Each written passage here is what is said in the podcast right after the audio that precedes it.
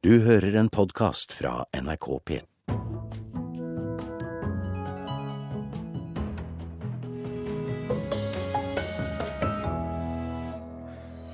Mange norske musikkstudenter blir utkonkurrert av talenter fra andre land.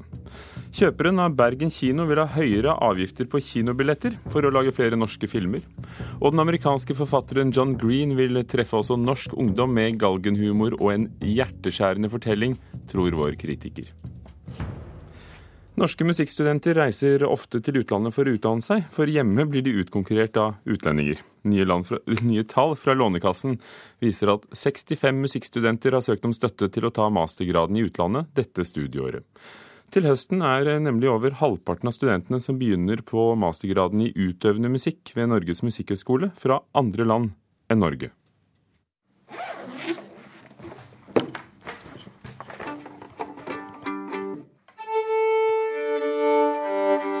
På øvingsrommet på Norges musikkhøgskole er Ellen Samdal i ferd med å pakke fiolinen ut av instrumentkassen og varme opp til dagens øveøkt.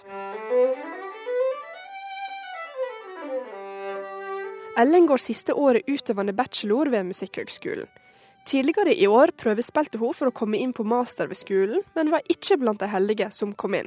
Det er jo eh, ikke så motiverende å tenke på, eh, og det er jo selvfølgelig kjedelig for min del. Jeg kunne veldig gjerne ønske meg en plass her for å for å kunne fortsette. Men eh, de, ja, det var andre som, som er bedre. Til høsten er over halvparten av de utøvende masterstudentene ved høgskolen utenlandske. Grunnet den økte internasjonale konkurransen her hjemme, ser mange av de norske studentene seg nødt til å søke seg ut av landet, noe Ellen kjenner seg igjen i. Det er vel på en måte mer enn en trend, det er vel litt at man er nødt. Fordi man, hvis man ikke får plass her eh, og vil fortsette å studere, så, man jo, så tvinges man jo til å se etter andre alternativer. For tendensen er tydelig. For studieåret 2012-2013 søkte hele 285 studenter om støtte fra Lånekassen til musikkstudier i utlandet. 65 av disse til masterprogram.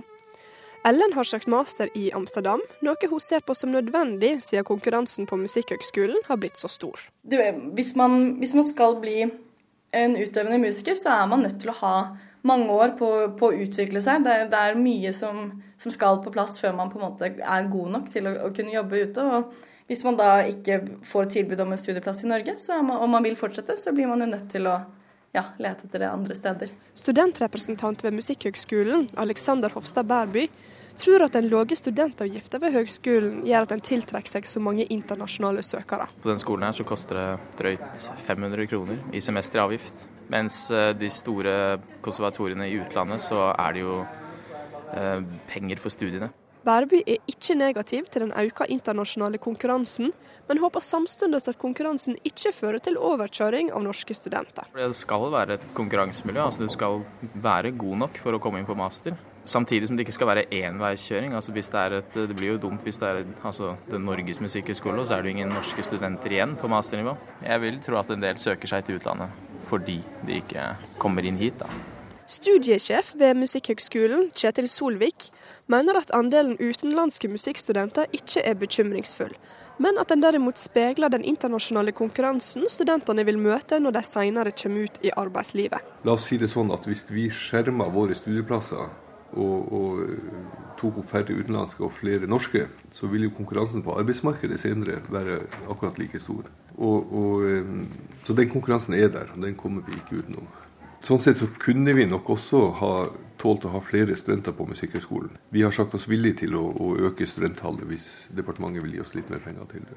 Tilbake på øvingsrommet mener Ellen Samdal at skolen bør tenke mer langsiktig. Eh, om man vil ha et, et, norsk musikkliv, så er man jo også nødt til å gi muligheter til norske musikere. Og også gi muligheter for at man kan utvikle seg, at man får brukt potensialet sitt.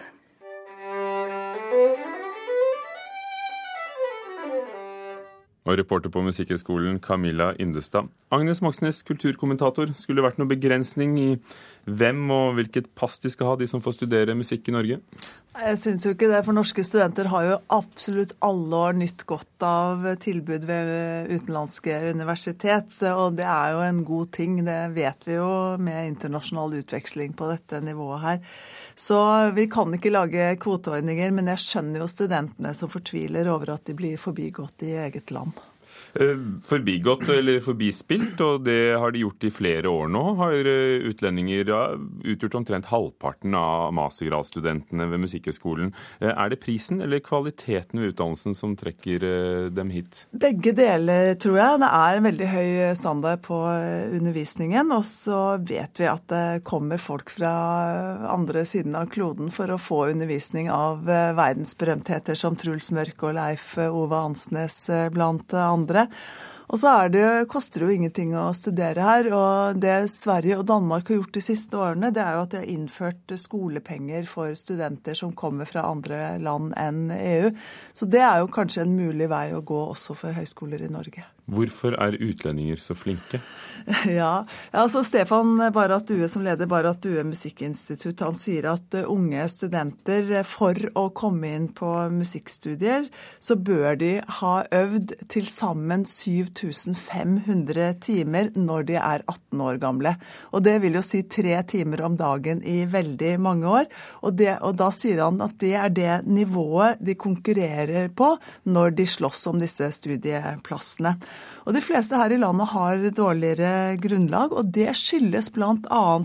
det som kom veldig tydelig frem i Anne Engers gjennomgang av de siste syv-åtte årenes kulturpolitikk, at grunnmuren ikke er på plass. Og det vil jo i denne sammenheng si at kulturskolene på langt nær er blitt så gode som det de rød-grønne lovet i det første og andre kulturløftet sitt, hvor eh, bl.a. da målet om å løfte kulturskolene var ble gjort, også med tanke på at man skulle bygge en skikkelig elite.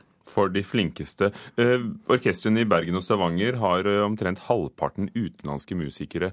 Ser skolen og virkeligheten ut eh, ganske likt? Ja, det gjør det. Og, det. og, det. viser jo her at vi på den ene siden konkurrerer på et utrolig høyt nivå, og at uh, markedet for musikere er uh, globalt. Og det er virkeligheten også norske musikere møter når de er ferdig utdannet. Og det å innbille dem noe annet tror jeg ikke er spesielt smart. Agnes Moxnes, takk. Produsenten av filmen Beatles, etter Lars Saabye Christensens bok, har endelig fått i havn en avtale om å bruke musikk av nettopp gruppen Beatles. Det har tatt nesten ett år med intens møtevirksomhet for å overtale rettighetshaverne til å gå med på å bruke Beatles i en norsk film, skriver VG i dag. Det er sjelden Beatles-musikk blir tillatt brukt på film i det hele tatt. Paul McCartney, Ringo Starr og familiene til George Harrison og John Lennon må alle godkjenne slike avtaler. Og det skal handle om eh, norsk film igjen, fordi SF Kino, selskapet som eh, skal kjøpe Bergen kino trolig i dag, de vil gjerne vise flere norske filmer på sine kinoer. I dag får altså SF Kino trolig Bergen bystyrets godkjenning til å kjøpe 49% av Bergen kino. Dermed får svensk filmindustri kontroll over en fjerdedel av det norske kinomarkedet. Nå tar direktøren i SF Kino, Ivar Halstvedt, til orde for å øke avgiften på billettinntekter. I dag er den på 2,5% og så bruke disse pengene på å lage mer norsk film. Vi trenger mer norsk film på kinoene. På våre kinoer så mangler jeg norsk film i store deler av året. Og det er i dag eh, flere filmer som ikke blir produsert, for det er ikke penger i kassen til å finansiere dem. Det syns jeg er en uhyrlighet, og vi som lever av dette, og vårt publikum, forstår det ikke. Og da vil vi som, eh, som landets største kinoselskap si at dette må vi gå foran og få til. Du lurer kanskje på om du hørte rett. Men det er faktisk slik at den største private kinoaktøren her i landet nå tar til orde for å øke den statlige avgifta på billettinntektene sine. Pengene vil de bruke til å støtte filmproduksjon. Her i Norge så har vi en egen avgift som kinoene betaler inn direkte. Den er omsetningsbasert på 2,5 SF kino foreslår, og vil foreslå og jobbe for, at den økes til 5% per år. Det ville kunne gi nær 50 millioner kroner til å lage mer film. Inspirasjonen henter direktør Ivar Halstvedt fra Sverige, der eierne til SF kino hører hjemme. Der går 10% av inntektene fra de største kinoene til å støtte ny filmproduksjon. Det er film i Den kulturelle skolesekken. Det er Bygdekinoen som viser film på 200 steder. Lista er lang for det dagens norske avgift brukes til. Skolering for kinobransjen, cinematek. Lene Løken er direktør for Film og Kino, som forvalter og deler ut pengene hun syns ikke det er en god idé å bruke dem på filmproduksjon i stedet. Det er vel ikke først og fremst flere norske filmer vi trenger. Vi får nå 25 norske filmer i året. Det er bare noen ganske få av dem som trekker et stort publikum. Hvis man trenger ytterligere bevilgninger, så trenger man bevilgninger til formidling av film. Og sørge for at de filmene som produseres, når et publikum. Forslaget fra SF kino kommer samtidig med at de nå etter alt å døme får overta 49% av aksjene i Bergen kino. Den omstridte saka skal til behandling i Bergen bystyre i dag. Og sjøl om flertallet trolig vil stemme for, kjemper Harald Skjeldrup fra Arbeiderpartiet fremdeles mot. Vi må ikke glemme nå at SF først og fremst er interessert i å ta over eh, kinodriften i flere av de største norske byene. Eh, og i og med at byer som Bergen ikke er store nok til å ha uavhengige eh, kinoer, såkalt art cinemas, så betyr jo det at vi går i en retning av private monopoler som har utbytte som eh, mål. Han tror ikke det er tilfeldig at forslaget fra Halstvedt kommer nå som kinoene både i Bergen og Oslo er lagt ut for sal. Det er selvfølgelig ikke tilfeldig valgt. SF er jo nå opptatt av å kunne sette oss en positiv dagsorden. Når du kommer med dette utspillet nå, er det rett og slett for å pynte litt på imaget? Nei, vi har alltid vært dette. Men det er klart at når vi øker i størrelse, så må vi også si tydeligere fra hva vi er, hva vi har lyst til å gjøre, og så faktisk gjøre det. Det må også nevnes at eierne til SF kino også har interesser i filmproduksjonsselskap som kan tjene på forslaget. Lars Løge i Produsentforeningen på Vestlandet er usikker på hva utspillet kan få å si, men han syns det er interessant. Hovedkritikken eller frykten har jo vært at det vil føre til en kommersialisering av Bergen kino, der norsk film, og kanskje i særdeleshet vestnorsk film, ikke slipper til på samme måten fremover. Hvis dette er en, en måte å imøtekomme den frykten eller kritikken på, så er jo det bare positivt. Nå som det høyst sannsynlig blir et salg til SF. Og det handlet om Bergen kino, reporter i Bergen, Turid Rogne. Du hører på Nyhetsmorgen. Klokken er blitt 17 minutter over åtte, og vel så det. Overskriftene. Fiskere forteller om juks i fiskerinæringen. Flere hevder de må levere gratis fisk til mottakene, sier styremedlem i Norges Råfisklag. Regjeringen legger frem tiltak mot terror i dag. Opposisjonen krever flere konkrete grep. Og filmbransjen må bli bedre på forretning, mener næringsministeren. Styret i Rock City i Namsos har bedt revisoren sin om å få oversendt alle papirer fra 2007 og 2008. Mandag avslørte NRK at en tidligere ansatt i Rock City brukte selskapets visakort til å legge ut for private kostnader over flere år, og nå vil styrelederen ha alle fakta på bordet. Ja, Nå har vi bedt revisor, og det er jo selvsagt ikke sånn det burde ha vært. Men altså, det er jo en gang sånn at um, våre, våre, arkiver er jo ikke akkurat um, sprengfull av dokumenter. Sånn at når det her da ble kjent for oss, så var det naturlig å be om de brevene fra revisor til styret i 2007-2008, og, og dem vil vi nå få oversendt. Styreleder Erik Stene har fått nok en sak om økonomisk rot i fanget. Mandag avslørte NRK at en tidligere ansatt i Rock City Namsos har blanda sin private økonomi med økonomien i selskapet. Det daværende styret rydda opp i udokumenterte utgifter for 2009, men gikk ikke inn i tilsvarende forhold for tidligere år. Vi har jo ikke sett det som dere henviser til av, av dialog mellom, mellom forskjellige aktører. Ei heller det her revisorbrevene som det henvises til i 2007-2008.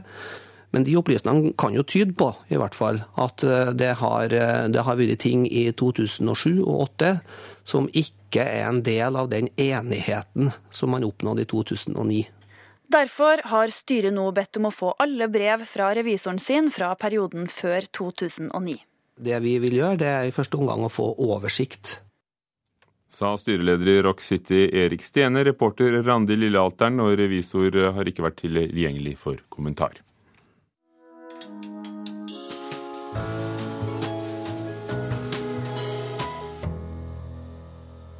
Boken ble i fjor kåret til årets beste roman utgitt i USA. Det er første gang en ungdomsroman oppnår en sånn status, og forfatteren heter John Green. Romanen heter Faen tar skjebnen når den kommer i norsk utgave nå. Vår kritiker Anne Katrine Straume har lest den. Faen tar skjebnen er en slående tittel. Likevel er originaltittelen bedre. The Fault in Our Stars er et Shakespeare-sitat og sier noe om at det ikke er stjernene du er født under det er noe i veien med, det viktige er hva du selv velger å gjøre med livet ditt. Nå er det ikke opp til enhver å velge hva man vil gjøre med livet sitt. Jeg forteller en Hazel er 16 og har kreft i skjoldbruskkjertelen, etter hvert også i lungene. Hun kan leve noen måneder til, eller hun kan dø i morgen. Gus er året eldre, hun har truffet ham i en samtalegruppe for kreftsyke ungdommer. Han er frisk nå, men vil det vare? Slik åpner boken. Langt utpå vinteren i mitt 17. år konkluderte moren min med at jeg var deprimert. Antageligvis fordi jeg sjelden beveget meg ut av huset. Tilbrakte ganske mye tid til sengs. Leste den samme boka om og om igjen. Og brukte en stor del av min overflod av fritid til å tenke på døden. Hver gang du leser en kreftbrosjyre eller en nettside eller noe sånt, nevner de alltid depresjon som en bivirkning av kreft. Men depresjon er egentlig ikke en bivirkning av kreft. Depresjon er en bivirkning av å skulle dø. Man kunne frykte at dette skulle bli en tåredryppende sykdomshistorie med svulstige tanker om livet og døden og amerikansk happy ending. Nå får vi store tanker om livet og døden, og ja, det er en kjærlighetsroman. Men den happy endingen uteblir. Som tidligere sykehusprest har John Green sett at mirakler ikke er hverdagskost. Bitte små mirakler, derimot. John Green serverer bare nesten kvasifilosofiske lettvintheter som at du er din egen lykkes smed. Stort sett er han nøktern og redelig i sin omgang med alvorlig sykdom og ethvert menneskes ønske om å sette spor etter seg. Han utvider den realistiske fortellingen ved hjelp av litterære referanser. Ikke bare Shakespeare, som tittelsitatet er hentet fra, men også Anne Frank og hennes skjebne veves inn i historien og gir Hazels kamp en større dimensjon.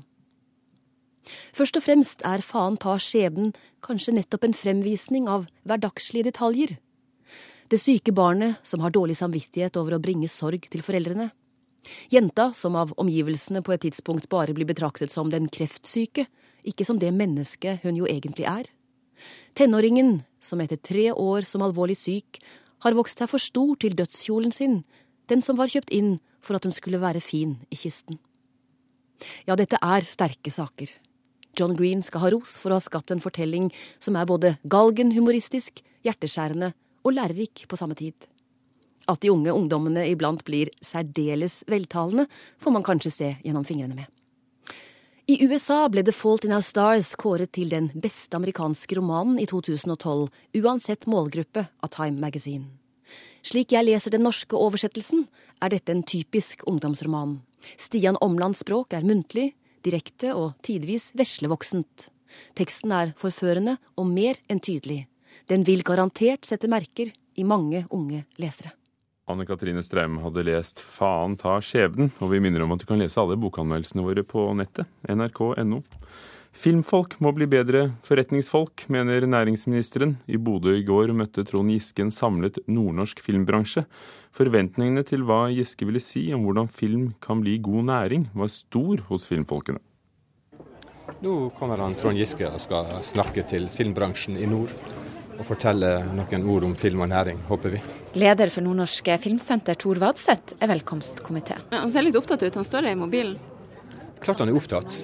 Jeg har eh, forventninger til at uh, næringsministeren, som jo var den ministeren som uh, i Kulturstolen gjorde så um, laget grunnlaget for den filmsuksessen vi har nå, makter å ta filmfeltet videre eh, som næring. Lars Marøy er styreleder i Filmreg, en paraplyorganisasjon for de regionale filmfondene og filmsentrene i Norge. Det kan innebære en insentivordning f.eks. Alle disse tingene er sånn som jeg er litt spent på. Da. Vi har et visst håp om at Giske har en, en kanin i, i, hatten i så måte. Håpet jeg håper jeg lyser grønt.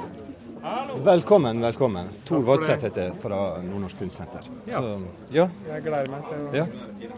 bli er... oppdatert på hva som skjer i nordnorsk film. Ja, ikke sant. Og vi om hva dere styrer med i departementet. Og fra scenen i Mediegården i Bodø så snakker Giske om hvordan film også er næring. Og han ber filmbransjen tenke mer business. Da trengs mer eh, kunnskap om hvordan man driver en bedrift, og hvordan man lager en forretningsplan, hvordan man skaffer seg kapital, hvordan man utvikler et marked, hvordan man markedsfører produktet sitt. Alle disse tingene som enhver forretningsdrivende må kunne må også kulturarbeidere lære seg når man skal lage business av kulturen sin. Eh, helt sikkert mye vi kan gjøre for å tilrettelegge for at den type forretningskompetanse kan lånes av eh, kulturmennesker. Jeg tror Kultur- og handlingsplanen kommer til å handle litt om det. Eh, fordi det er egentlig ganske enkle grep, men kan man det ikke, så har man et problem. Filmbransjen her, folk jeg snakka med før du kom inn døra, de etterlyser også midler til å trekke utenlandske produsenter, filmfolk, til Norge. Hva vil regjeringa gjøre med det? Ja, Vi sa jo i filmmeldinga at vi ønska å få til eh, en ordning som eh, ga en viss refusjon til store internasjonale produksjoner som kom til Norge. Vi har fortsatt eh, den incitamentordninga på blokka, så får vi gjøre det når vi har penger til det i budsjettet. Mitt navn er Kjetil Omberg, og jeg jobber i noe som heter Tappeluft Pictures. Vi har lagd filmer som Tomme tønner og Tina Bettina, lagd TV-serien Hellfjord. Uh, og nå holder vi på med klippen av Kill Buljo 2. Giske har vært her og snakka til filmbransjen i nord. Han sier uh, dere må bli flinkere på business. Hva sier du da? Han har helt rett i det.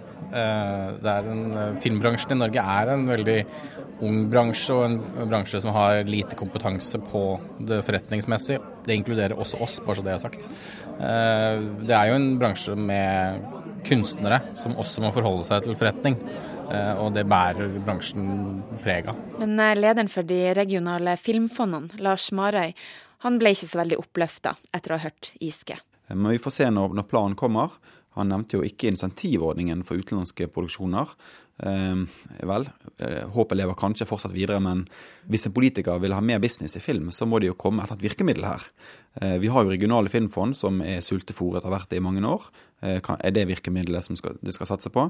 Er det Innovasjon Norge som skal få et nytt mandat? Vel, flott. Vi, vi må bare vente og se sa Lars Marøy, som leder de regionale filmfondene, til vår reporter i Bodø, Karoline Rugeldal, der næringsministeren møtte filmindustrien. Vi tar med noe som skjedde i London i går. Kjolen prinsesse Diana hadde på seg da hun danset med John Travolta i Det hvite hus i 1985, ble solgt for 2,1 millioner kroner. Ti av Dianas kjoler ble auksjonert bort i London og gikk for til sammen syv millioner kroner. Den dyreste kjolen ble kjøpt av en britisk gentleman som ville overraske sin hustru, avslører auksjonariusen overfor The Daily Telegraph. Og minst én av kjolene skal være kjøpt av et museum. I Kulturnytt i dag har vi hørt at norske musikkstudenter søker seg til studier i utlandet. I Norge kommer bare halvparten av de norske søkerne inn til mastergradsstudiet, fordi utlendingene er bedre enn dem. Norges største private kinoeier, SF kino, vil doble kinoavgiften til staten for å få flere norske filmer på lerretene. I dag blir det sannsynligvis klart at de får kjøpe 49% av Bergen kino. Jeg minner om at Kulturnytt er tilbake med en ny utgave i ettermiddag klokken 16.30. Rollelisten for eh, denne morgenen har vært Hanne Lunås, teknisk ansvarlig, Vidar Sem, produsenten, og Ugo Fermariello, programleder. Klokken er straks halv ni. Du hører på P2s uh, Nyhetsmorgen, og Øystein Heggen er straks klar med siste nytt. Du har hørt en podkast fra NRK P2.